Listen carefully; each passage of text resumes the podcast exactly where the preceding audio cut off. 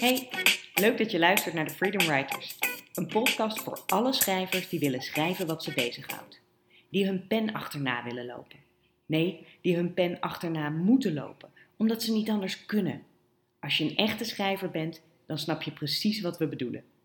De Freedom Writers, dat zijn Roos Slikker, Lou Niestad en ik, Roanne van Voorst. Drie schrijvers die soms leven van, maar altijd leven voor het schrijven. Wij schrijven overal en altijd. We schrijven boeken, columns, artikelen, cursussen, dagboeken en scenario's. En als we niet aan het schrijven zijn, dan praten we wel over schrijven. Soms met elkaar en in deze podcast met jou erbij. Over hoe het schrijversleven eruit ziet, over hoe mooi schrijven is en hoe eng.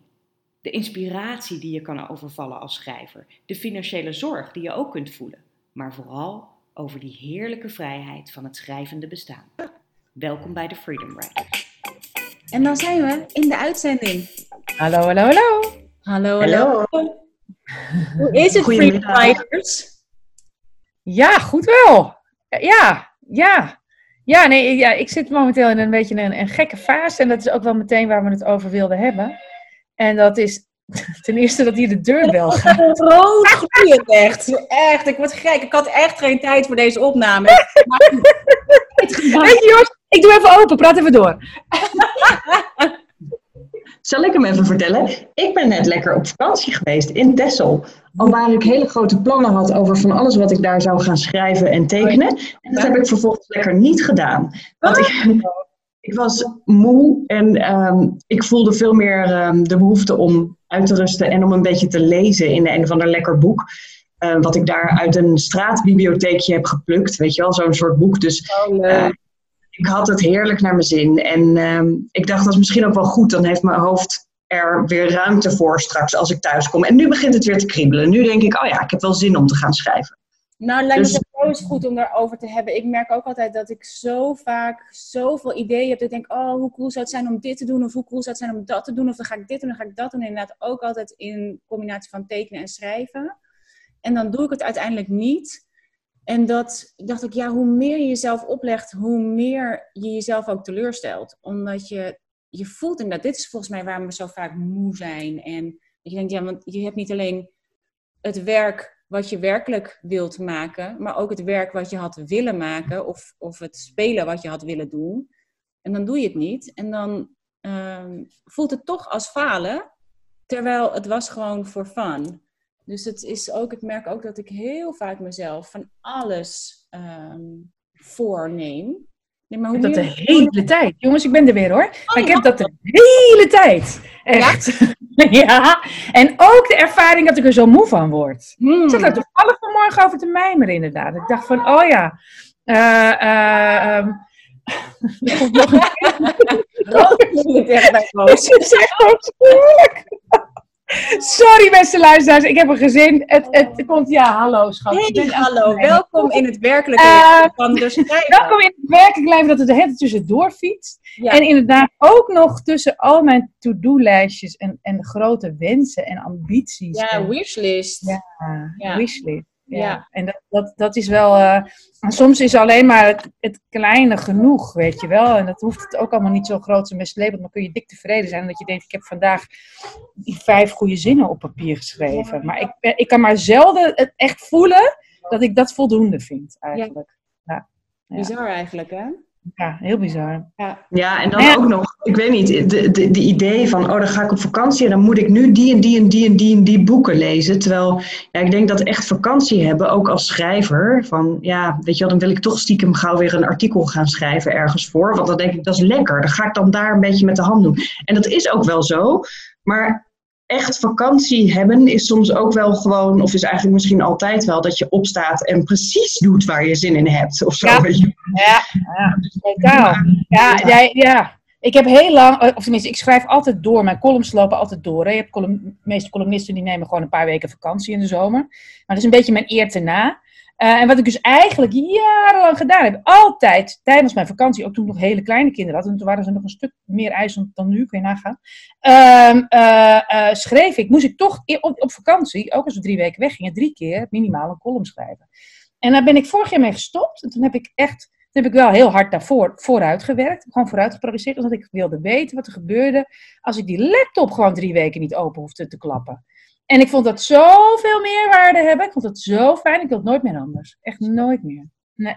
Nee. Terwijl ik eh, dat dus echt doodgraag doe, hè, die column schrijven, even voor de duidelijkheid. Maar uh, inderdaad, de tijd aan jezelf hebben en, en, en ja, dat er niet de druk zit van het moet nou eenmaal, maar gewoon schrijf voor je malle moes komt weg, dat is altijd fijn. Ja, dat, dat, op vakantie, dat, dan zit ik ook nog wel in allerlei opschrijfboekjes te pielen, maar dat zit ik altijd. Dat is een beetje hoe, het, hoe, hoe ik in elkaar zit. Maar ja, dat is niet meer je creativiteit vangen waarschijnlijk gewoon met ja, ja, ja. Ja, maar het kan ook dat je daarna moeilijker weer opstart, als je dan weer terug bent. Dat je dan voel je ook dus dat heb ik zelf als ik veel minder online ben en bijvoorbeeld geen online programma's maak of veel minder in de interactie ben in mijn communities, dat ik stiller word. En dat ik ja. ook, uh, want dit is toch ook, als je ergens in zit, dan zit je in die flow ervan, je hebt het ritme te pakken en doordat je dat ritme hebt, ben je ook, um, gaat het bijna automatisch. Maar als ik uit dat ritme raak, dan, ja. dan, dan voel ik, dan kan ik echt heel goed voelen hoe introvert ik eigenlijk ben. Ik denk, oh... Ja, oh, dat herken ik heel erg. Ja, dat herken ik heel erg. Het is ook, ik heb wel eens dat ik van mezelf denk... Soms heb ik het, is, staat het knopje zenden gewoon heel erg aan. En dan ben ik ook heel erg van het zenden. En dan niet alleen zenden in stukjes schrijven of online aanwezig zijn... maar ook in praatjes in de straat, zou ik maar zeggen, bij de haringboer.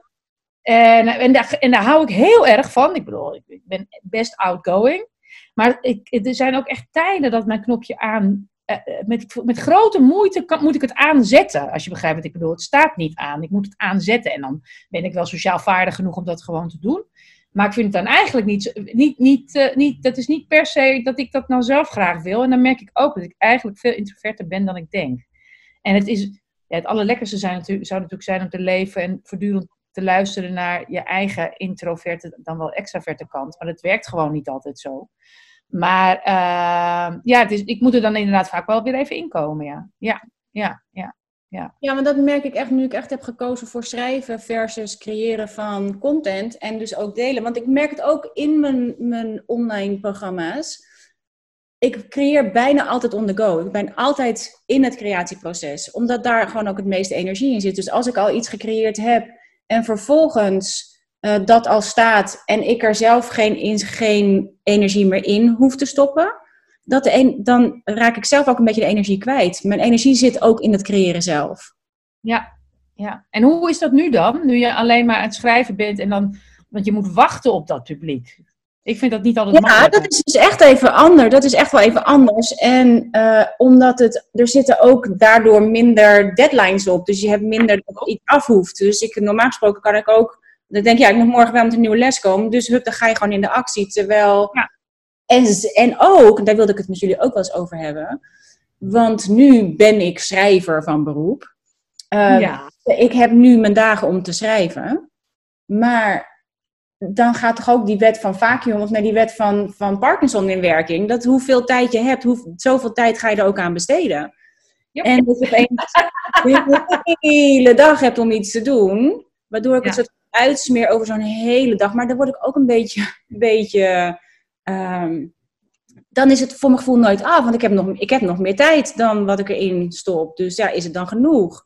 Het is, Ik moet echt even zoeken naar een nieuwe, nieuwe vorm. En tegelijkertijd voel ik ook wel echt heel veel meer rust in mijn gezin, in, met de kinderen, met de kleinkinderen, om andere dingen te doen daarnaast. Dus ik vind het wel heel fijn, maar ik word dus echt veel stiller. Ja. Echt Herken veel... jij dat, Ro?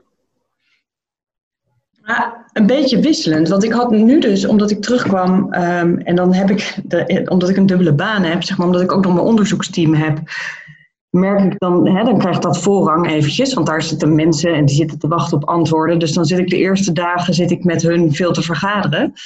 Ja. En dat is prima. Maar dan voel ik wel een diep verlangen om alsnog dat artikel te gaan schrijven. Want ik voel me dan gewoon uitgeruster. En dan heb ik daar wel heel veel zin in. En tijdens zo'n vakantie heb ik um, schrijf ik ook wel af en toe in mijn journal. Weet je wel, dat vind ik lekker. Wat ik wel merk, en dat is volgens mij iets wat iedereen überhaupt, of wat veel mensen merken, ook tijdens de corona-crisis, waarin je überhaupt wat meer thuis bent, of de meeste mensen hebben dat, dat je gewoon überhaupt wat gevoeliger bent voor geluid en voor input en voor dingen die er komen. Dus ik merk wel, als ik mijn e-mailbox weinig heb geopend, dan word ik dus best gestrest van het feit dat er 60 nieuwe e-mails staan te wachten. Zeker, die ken ik, ja. ik schrik niet van mijn agenda. Ja, dat er dingen in die agenda staan, vind ik dan toch een beetje storend of heftig. Wat doet dat in mijn agenda? Nou, maar ik word er ook laconieker in, merk ik. Dat ik denk, ah, komt wel. Of Ja, ik heb er ook aan de andere kant dus minder last van. Ik vind het allemaal minder belangrijk, of ik vind het minder, het heeft minder haast, of het, het heeft minder ehm, prioriteit. Dus ik zak ook wel, het is ook goed om even hierin te zakken. Want normaal gesproken merk je ook dat je gewoon als een soort flipperkast door je dag heen gaat en je reageert op alles wat er binnenkomt. ja, Nu heb ik dat veel minder. En Ja. ook, dit heeft voorrang, dus ik mag van mezelf eerst dit doen. En, dat, en tegelijkertijd geeft dat me natuurlijk ook, nu moet ik het doen. Ik heb nu alle andere dingen, die zijn er niet. Weet je, al die andere dingen waarvoor ik normaal gesproken kon zeggen, ja nee, maar ik moet eerst even dat afmaken, ik moet eerst even dit doen. En dan ga ik schrijven. Ja, die heb ik niet meer.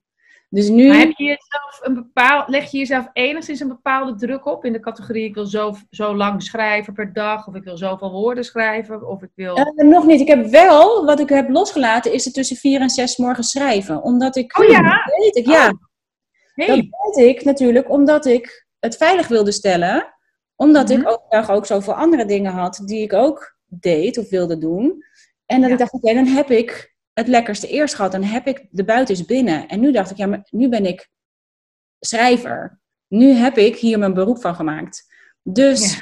dat betekent dat ik mijn dagen daar gewoon voor kan gebruiken. En dus moet ik gewoon... Het, het is ook ergens een stukje angst om ehm, mijn tijd weg te geven. Of om mijn, mijn, eh, afsp- mijn eigen afspraken niet na te komen. Weet je, dus ik, ik moet sterker staan naar de buitenwereld toe. Dit is mijn schrijftijd.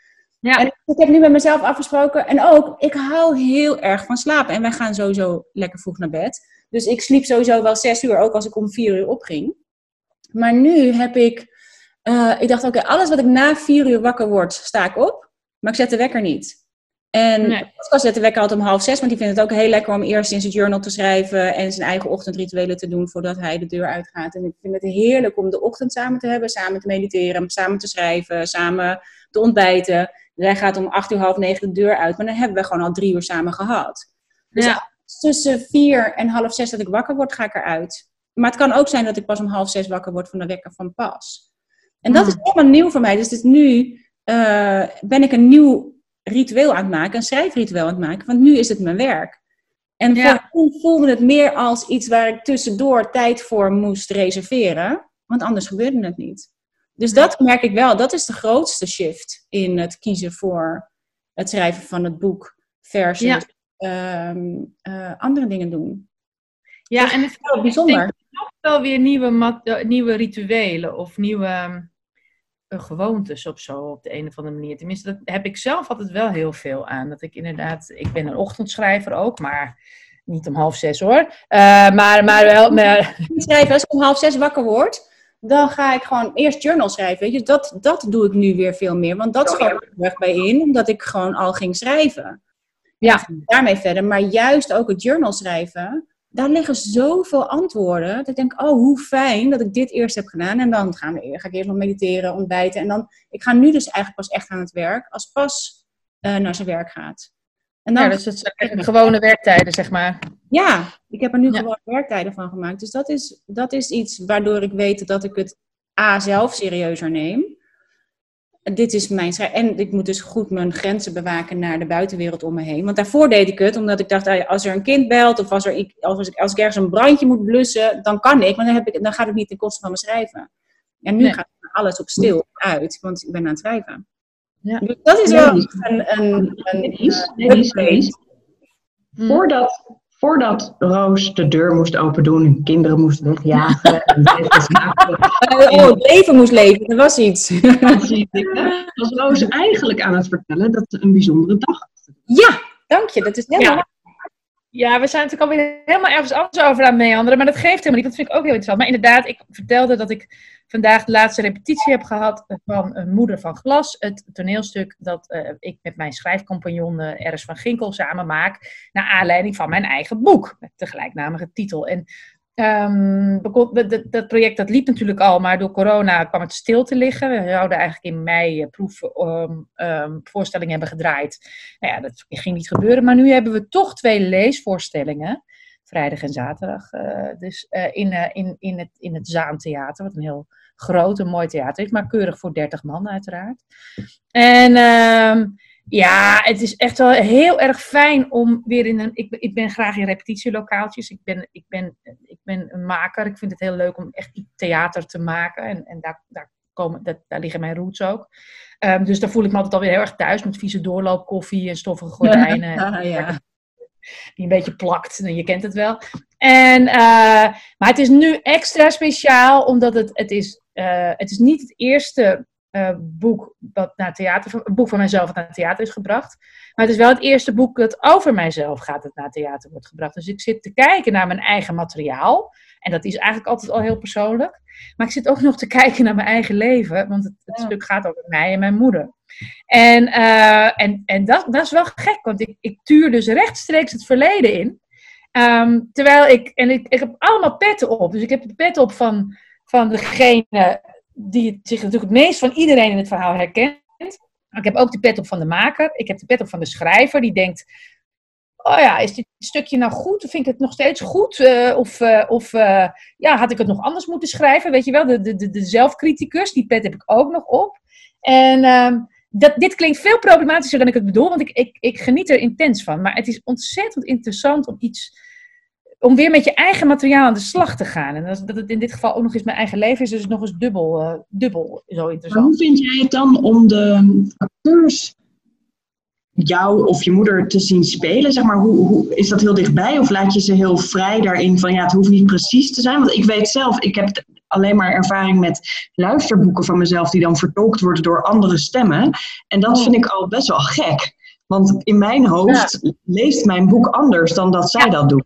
En dat klopt. En, dat heeft vooral, en het is niet eens zo in de gelijkenis van die, de actrice die het speelt, Sandra Matti, die lijkt niet op mij. Niet echt. Maar, eh, en die, heeft, die praat ook anders dan ik. eh, ehm, eh, maar eh, dat kan ik heel goed loslaten. Maar het heeft wel te maken met ritme. Dus eh, ik, ben, ik ben zelf in, het, in mijn schrijven nogal gevoelig voor ritme. Ik lees ook veel dingen hardop aan mezelf voor om te kijken of ik het goed vind lopen. Ja, en iemand anders voelt dat ritme soms anders. Dus sneller, langzamer, eh, eh, meer hak op de tak, meer stiltes. Nou ja, en dan kan je denken, goh, is dat nou zo belangrijk? Ja, dat is in het theater loei belangrijk. Dat is ongelooflijk belangrijk. Het, dat, een, voorstelling kan door ritme in elkaar donderen. En kan door ritme vleugels krijgen. En eh, nou, ik hoor altijd van mensen die mijn teksten moeten spelen dat ik vrij ritmisch schrijf. Dus dat helpt ze dan vaak ook wel. Maar ja, het is nog altijd anders dan, dan dat ik het in mijn hoofd hoor. Maar dat vind ik ook niet altijd een nadeel. En ik ben natuurlijk wel gewend dat mensen met mijn teksten aan de slag gaan. Dus ik ben ook wel gewend dat het vaak anders klinkt dan het, eh, dan het in mijn hoofd klonk. En ik, ben, ik heb al heel jong geleerd om daar vooral ook de meerwaarde van in te zien. En dus niet te zien, het niet zo snel te zien als een, sowieso niet als een aanval of iets wat tekort wordt gedaan. Maar als iets, oh, zo kan je er ook naar kijken. Eigenlijk levert dat ook nog wel iets heel bijzonders op. Iets wat ik zelf blijkbaar niet te bieden heb. Of, of waar ik niet op gekomen was. Dus ik vind het eigenlijk wel heel mooi. Ik vind dit niet erg. Nee, nee. En, maar ik moet wel zeggen, ik moet wel eerlijk zeggen, al mijn luisterboeken heb ik zelf ingesproken. Om Ja. deze Hmm. reden. Ja, om, de, om het ritme. Ja. En heb je nu ook zelf eh, het theaterstuk ervan geschreven van je boek? Is Nee, dat, heb ik, nou, dat heeft mijn schrijfcompagnon in eerste instantie gedaan. Dat, dat vond ik heel moeilijk. Omdat mijn eigen boek, want daarin maar heb je al zoveel keuzes gemaakt. Ja. En theatraal moet je nog meer keuzes maken en vooral veel schrappen. En dat is Ja. zo moeilijk. En Eh, dus hij heeft een eerste aanzet gemaakt en ik ben vervolgens daar weer aan gaan toevoegen. Oh, En dat, ja, dat ja. klinkt fijn.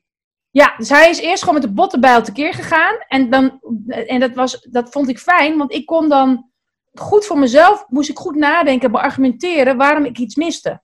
En dat is veel beter dan dat je hele kleine dingetjes steeds maar gaat schrappen, want dan kom je er nooit. Dus, ehm, ehm, en ik heb toen weer dingen toegevoegd en, we, en nu, eh, ja, zelfs vanmorgen nog, dat ik zei, ja, in, de, in mijn oorspronkelijk boek staat nog dit zinnetje. En dat zinnetje is daarom belangrijk. Maar je moet dat ook dan nog eventjes een beetje verdedigen. En dat is eigenlijk heel goed. Ja. Eh, want als je het niet echt goed kan verdedigen. Ik had ook een ander zinnetje dat ik belangrijk vond. En toen wist ik eigenlijk zelf niet meer waarom. Ja, dat is toch niet belangrijk. Dus, die komt er niet in. Eh, Heel belangrijk. Hoe lang kunnen jullie blijven zitten? Kort. Maar, Man voor Nee. 30 uur, kom op. Maar, je, maar je moet, nee, ja, nee, weet je, je, je, moet, je moet daardoor wel ehm, nog eens even heel streng voor jezelf zijn en voor je materiaal. En het komt allemaal altijd ten goede aan, aan dat wat het oplevert. Het theater is nou, ik neem niet hetzelfde als een boek. Het is ook niet zo dat je in het theater straks een uitgeklede versie van het boek ziet. Maar wel, het, is wel, het is gewoon iets anders dan het boek. Dus je maakt ook, ook, ook dramaturgische keuzes die je in een boek niet zo direct hoeft te maken. En eh, wij moeten nu gewoon in ongeveer vijf kwartier, een uurtje à vijf kwartier, het verhaal vertellen. Dus dan moet, maak je natuurlijk moet je goede keuzes in maken. Ja. Ja, en ik, en ik, nee, maar ik, ik vind dat ons, ik, ik hou heel erg van met mijn eigen materiaal prutten. Ik vind ook, ik schrap ook niet zo erg. Ik hou heel erg van dat. Ik heb, ik heb het allerliefste dat er maar gewoon van alles staat en dat we daarmee aan de gang gaan. Dan, dat, dan, dat, dan het lege papier. Dat vind ik veel Ja. moeilijker.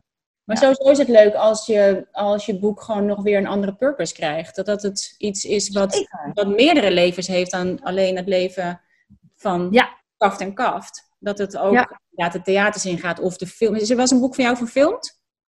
Nee, maar we hebben het, ik ik ben wel eens ver gekomen en toen liep het uiteindelijk stuk op geld. En eh, nu hebben we er ook, wordt er ook wel eens naar gehengeld van of ik het eventueel met Moeder van Glas zou willen. En daar sta ik natuurlijk niet afkerig tegenover, maar ik wil eerst die theaterversie maar eens goed eh, neerzetten en dan gaan we eens verder kijken. Ja. ja. Ik zou het heel leuk vinden hoor, als het een keer gebeurt.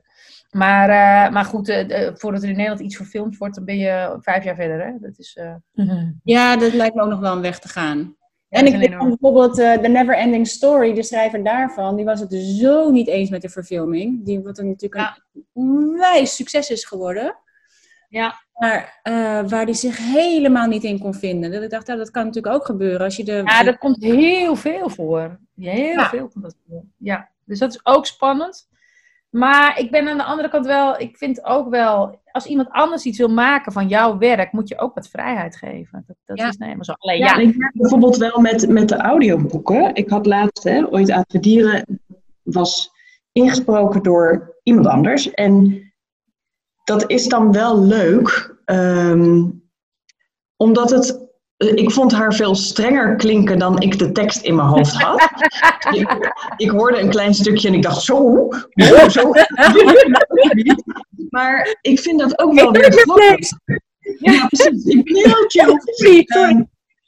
Ik, ik vind dat ook wel weer grappig, omdat, ehm, ja, dan denk ik, nou, ja, misschien, dit is blijkbaar hoe het ook geïnterpreteerd kan worden of zo. Dan heb je mijn stem als je me leest en dan heb je haar stem. Ehm, misschien vinden andere mensen dat juist wel heel goed werken, weet je. Dus ik vind het Ja. wel leuk dat er verschillende varianten bestaan. ja. Ik vind zelf Ja, ook boeken altijd het fijnste als de auteur het zelf heeft ingesproken. Omdat het inderdaad ook... eh tenminste, ik heb soms met boeken... Dat vind ik dan een super fijn boek. En dan koop ik hem ook als audioboek. Want dan kan ik hem en lezen en luisteren. Maar dan is de audio ingesproken door iemand anders... of met stemmetjes gedaan. En zeker als het eh, fictie is. Nou, dat vind ik echt verschrikkelijk. Ik denk, jezus. Echt vreselijk. Denk, oh nee, oh nee. Ter- terwijl ik heel erg hou van audioboeken, omdat ik andere dingen hoor dan dat ik lees. Dus ik kan precies Ja. de tekst lezen en dezelfde tekst luisteren. En ik hoor gewoon, ik hoor wat er tussen de regels staat, waar ik overheen kijk als ik lees. Dus ik vind het Ja. een hele fijne combinatie tussen eh, lezen en luisteren. Luisteren is gewoon echt een andere. Eh, het komt gewoon op een andere manier binnen, zo'n verhaal. Ja, dat is ook zo. Ja, dat is heel gek. Ja, ja ik, vond, ik vond het zelf inspreken luisterboeken heel leuk. En, maar ik, eh, ik- mijn roman die ik heb ingesproken, daar zitten ook nog wel wat seksscènes in. Dat is wel gek hoor. In een heel soort gek, ja. Oost-Duits hok. Niet in Oost-Duitsland, maar ergens in Amsterdam-Noord. En het doet heel Oost-Duits aan. En het is een beetje op een industrieterrein. En dan kijk je naar uit, een, ge- van, naar, uit een gebarsten raam. Dat is ook allemaal stuk. En dan zit je in te spreken hoe mensen allerlei lichaamssappen met elkaar uitwisselen. En Ik denk, waar ben ik in waar land? In- Weet je, op maandagmorgen, kwart over negen. Ja, ja, ja dat, dat, dat vond ik wel gek. En je zegt de technicus, Dat is voor jij mij. is er nog niet.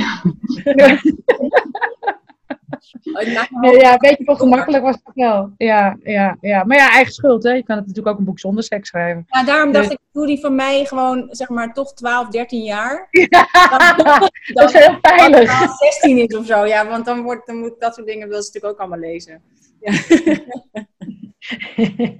Voordat ik ook... Zou je- Zou je voor je hoofdpersonage, zou je nu eh, iemand in je hoofd hebben die het zou kunnen spelen?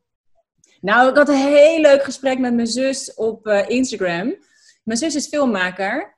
En eh, we hadden het over, ik had het op Instagram over, waar, wij het vorige keer al even over hadden, over de vriendinnetjes van mijn hoofdpersoon, van Charlie. Ja. Die vriendinnetjes. Dus daar hadden we het over. En mijn zus die zei gelijk, oh, mag ik de filmrechten? Ik zeg, ja, die heb ik al op mijn vision board staan.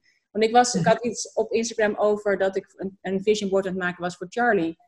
En uh, toen zei, dus ik zei, oh ja, dat staat op mijn vision board. En we hadden net voor haar, met haar een shortfilm gedraaid. Dus toen hadden we al gelijk de hele cast die we daarvoor gebruikt hadden. Ja, ja, ja. Om één op één gebruiken voor deze nieuwe film. Dus we hadden al, alles staat al. Althans voor de Nederlandse versie. En een deel daarvan die kan ook voor de Amerikaanse versie als we gelijk heel groot denken. Oké. Ja, huppakee. Dus uh, ik moet zeggen, het is wel heel leuk om met een soort filmisch beeld naar je tekst te kijken. Ja, zeker. Ja, dat, dat, dat, ik ben sowieso nogal, uh, ik moet het voor me zien. En ik moet het eigenlijk met al mijn zintuigen uh, voor me zien. Ik moet het ruiken, ik moet het horen, ik moet het proeven. Ja. Waar, wat, wat er in mijn scènes gebeurt, anders worden ze niet goed. Ik kan niet een soort abstract idee hebben, weet je wel. Ik moet het echt voor me zien. Ja. Dat, dat, dat, dat uh, is mijn ervaring. En ik vind, ik vind dat ook heel erg leuk. Ja. En daarmee is het ook echt alsof je op een soort... Uh, je, je duikt een soort verhaal in en vervolgens alsof je aan het diepzee duiken bent en je komt weer boven met een verhaal. Je bent ja. hier geweest en dit nee. is meegenomen hebt van daar down under. Je, je, zit er zelf naar te kijken. Dat is wel heel cool. Ja. Dat is wel heel cool. Ja, dus ik... Uh, uh, en natuurlijk is, was dat een, heel, een soort gekscherend uh, gesprek. Maar het was superleuk. En iedereen die zat er ook gelijk, zeg maar, de actrices en de, degene die de kamers hadden gedaan, de licht hadden gedaan. En we zitten van, oh ja, amen, amen, amen. Dus we hebben hem al helemaal allemaal op ons vision board staan. Oh, fantastisch. Ja, heel leuk. Jij hebt eens gedroomd over een film, uh, Ro? Nou ja, ik, ja, ja, na mijn tweede roman, omdat daar nogal eens werd gezegd in de reviews van... Uh, is heel geschikt voor een verfilming of dit boek schreeuwt om een verfilming of zo. En dan dacht ja. ik, nou, ja. kom maar voor. Ja. ja. dus daar wel bij. En, en die eerste roman heeft ook wel eens zo'n opmerking gekregen, maar die leek mezelf wat minder geschikt. Dat is wat meer een boek waarin het heel erg gaat over wat de hoofdpersoon allemaal denkt. Ja. Dus die tweede, daar zat wat meer actie in. Ja. Mm, maar ja, bij mijn non-fictieboeken, en dat is natuurlijk gewoon, heeft een beetje de overhand gehad de afgelopen ja. jaren. Nee, dat is waar. Ja. Zie ik, ik heb wel gesproken bijvoorbeeld met mensen over een televisieprogramma. En Ja, daar kwamen ja, we niet hè? helemaal uit. Ja. Ja. Hè, dat, dat, daar kwamen we niet helemaal uit en dat is prima. Dan, dan vind je elkaar gewoon net niet. Maar daar hebben we een aantal serieuze gesprekken over gehad. En dat had gekund of zo. Dat, dat als, als we daar wel het eens waren geweest over de toon daarin. Ik wilde daar niet een hele activistische of strenge toon in. En zij wilde dat wat meer, dus dat lukte niet zo. Ehm, maar ik denk dat, dat dat een leuke optie had kunnen zijn of zo. Dat zag ik nog wel voor me. Waarin ik, ehm, of iemand anders, dan allerlei experts daar over dat thema interviewt. Weet je wel? Zoals ik eigenlijk ook doe in het boek. Dat had me wel interessant geleken. Ja. Maar het is nog een beetje toekomstmuziek. Dat soort dingen eraan te koppelen. Ik had, was van de week werd ik geïnterviewd door Rachel van Sas. Zij is een boek aan het schrijven. Zij is de huismuts op, eh, op Instagram. En zij is een boek aan het maken over opvoeding en over, dus zeg maar, over kinderen en over eh, hoe je, je de, zeg maar, leeft met kinderen. Zij, ik vind haar superleuk. En zij is nu de interviews aan het opnemen als podcast. Ze brengt de interviews in haar boek. Ze gebruikt ze als podcast daarnaast. Dus ze maakt een, eh, eigenlijk kun je nu tegenwoordig natuurlijk een zo goed een soort Ja, zeker. Tuurlijk. ja, je kunt een soort multimedia ehm, iets van je boek maken. Dat vind ik ook echt wel heel cool. Ik ben dat ook aan het doen voor mijn boek weer. Dat ik denk, oh, het zou wel heel cool zijn als je daar vandaan naar een soort filmpjes kan, waardoor je dingen uit kan leggen. Of weet je, dat je een, een soort combinatie kan maken tussen gesproken en geschreven tekst. Of dat je het in het boek uitschrijft, maar dat je hem ook als filmpje kunt zien. Of, dus ik, ik ben ook, eh, ik vind dat hele multimedia, is, vind ik wel heel cool om dat aan boeken Ja. te koppelen.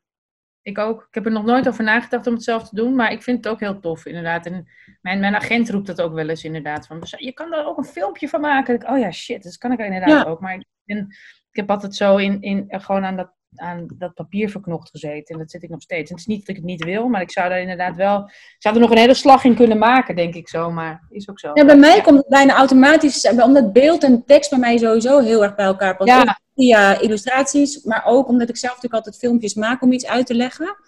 Ja. is het een, eh, eh, valt, het he- vind, valt het zo cool samen nu in dit wat ik aan het creëren ben. Dus hoe dat precies samen gaat vallen, weet ik niet. Maar het is wel heel leuk om aan te werken. We Ja. hebben nog eh, vijf minuten, jongens, want ik zit op... Ja, dan worden we eruit gegooid, hè? Zoom. Ja, ik heb geen eh, abonnement. Ik heb een, eh, een, ehm, arme, art, een arme artist eh, Zoom abonnement. Weet je wat ik wel een leuke vraag Oh. vind om te stellen aan onze, onze lieve leuke luisteraars? Nou, Zijn, er, zijn er boeken of films die jou heel erg hebben geïnspireerd? En dan niet zozeer schrijfboeken, maar dingen waarvan je denkt, oh, dat zou ik hebben willen maken. Of zoiets. Als ik dat zie, dan, dan begint het bij mij iets te kriebelen. Of dat zet mij aan. oh, Zo. cool. Ja. Weet jij er zelf in? Of gaan we daar een goed- ja, over hebben? eh, daar moet ik even over nadenken. Ja, als Kom, zij met die kom op terug dan. Dus jongens, Ja. want we hadden nu alleen Bar, die even had uitgelegd dat gewoon Bar alleen maar haar gewoon Bar heet. Omdat ze zegt, ja zeg nou maar gewoon Bar, omdat iedereen Babs tegen haar zegt. Dus Bar, eh, je mag nog steeds gewoon Bar heten. Maar voor de rest waren er geen vragen of comments. Dus Nee, nee maar ik zou het leuk vinden om eh, ja. eh, door welke films of boeken of iets anders, hè, eh, een beeld of whatever, word je aangeraakt? Wordt er iets in jouw creativiteit ook aangeraakt? Ik Ja. leuk vinden. Laten we er zelf ook over nadenken. Dan hebben Ja. we hem gewoon ook voor volgende keer, zeg maar. Dat is wel We doen leuk. Een hele, een, een, dan noemen we de volgende keer een podcast vol inspiratie. Dat Ja. je denkt van, en papier bij de hand, want er komt van alles voorbij misschien wel, waarvan je zelf denkt, oh, ga ik ook eens naar kijken. Oh, dat Misschien vind ik ook leuk. Dat doen we. Dat gaan we doen. Zo gaan Nou, we. Lily. Oké, dan gaan wij denk ik maar eens even een einde maken aan deze podcast. eh, zodat we in ieder geval niet eruit geknikkerd worden. Nee, dat is zo zonde. Ja, heel fijn om jullie weer even te spreken. En eh, ondanks alle drukte van... We hadden eigenlijk vooraf een soort gesprek met elkaar in de WhatsApp. Ja, eigenlijk ben ik aan het schrijven. Eigenlijk dat we kunnen ook gewoon deze aan elkaar plakken. Dan hebben we ook een podcast. Ja, zo van, het lukt eigenlijk niet. Ja, dus het kan zijn dat het in de toekomst een keer gebeurt. Ik zeg, ja jongens, nee, maar we zijn echte freedom writers. En we nemen de vrijheid om het even zo te doen. Maar volgende keer, over twee weken, zijn we er gewoon. Durf ik nu al te wedden. Want het is Zeker. zo leuk om jullie even te spreken. Super Leuk. fijn.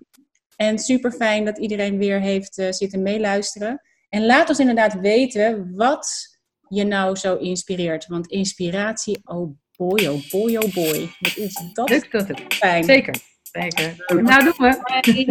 Doei! Doei. Volgende keer!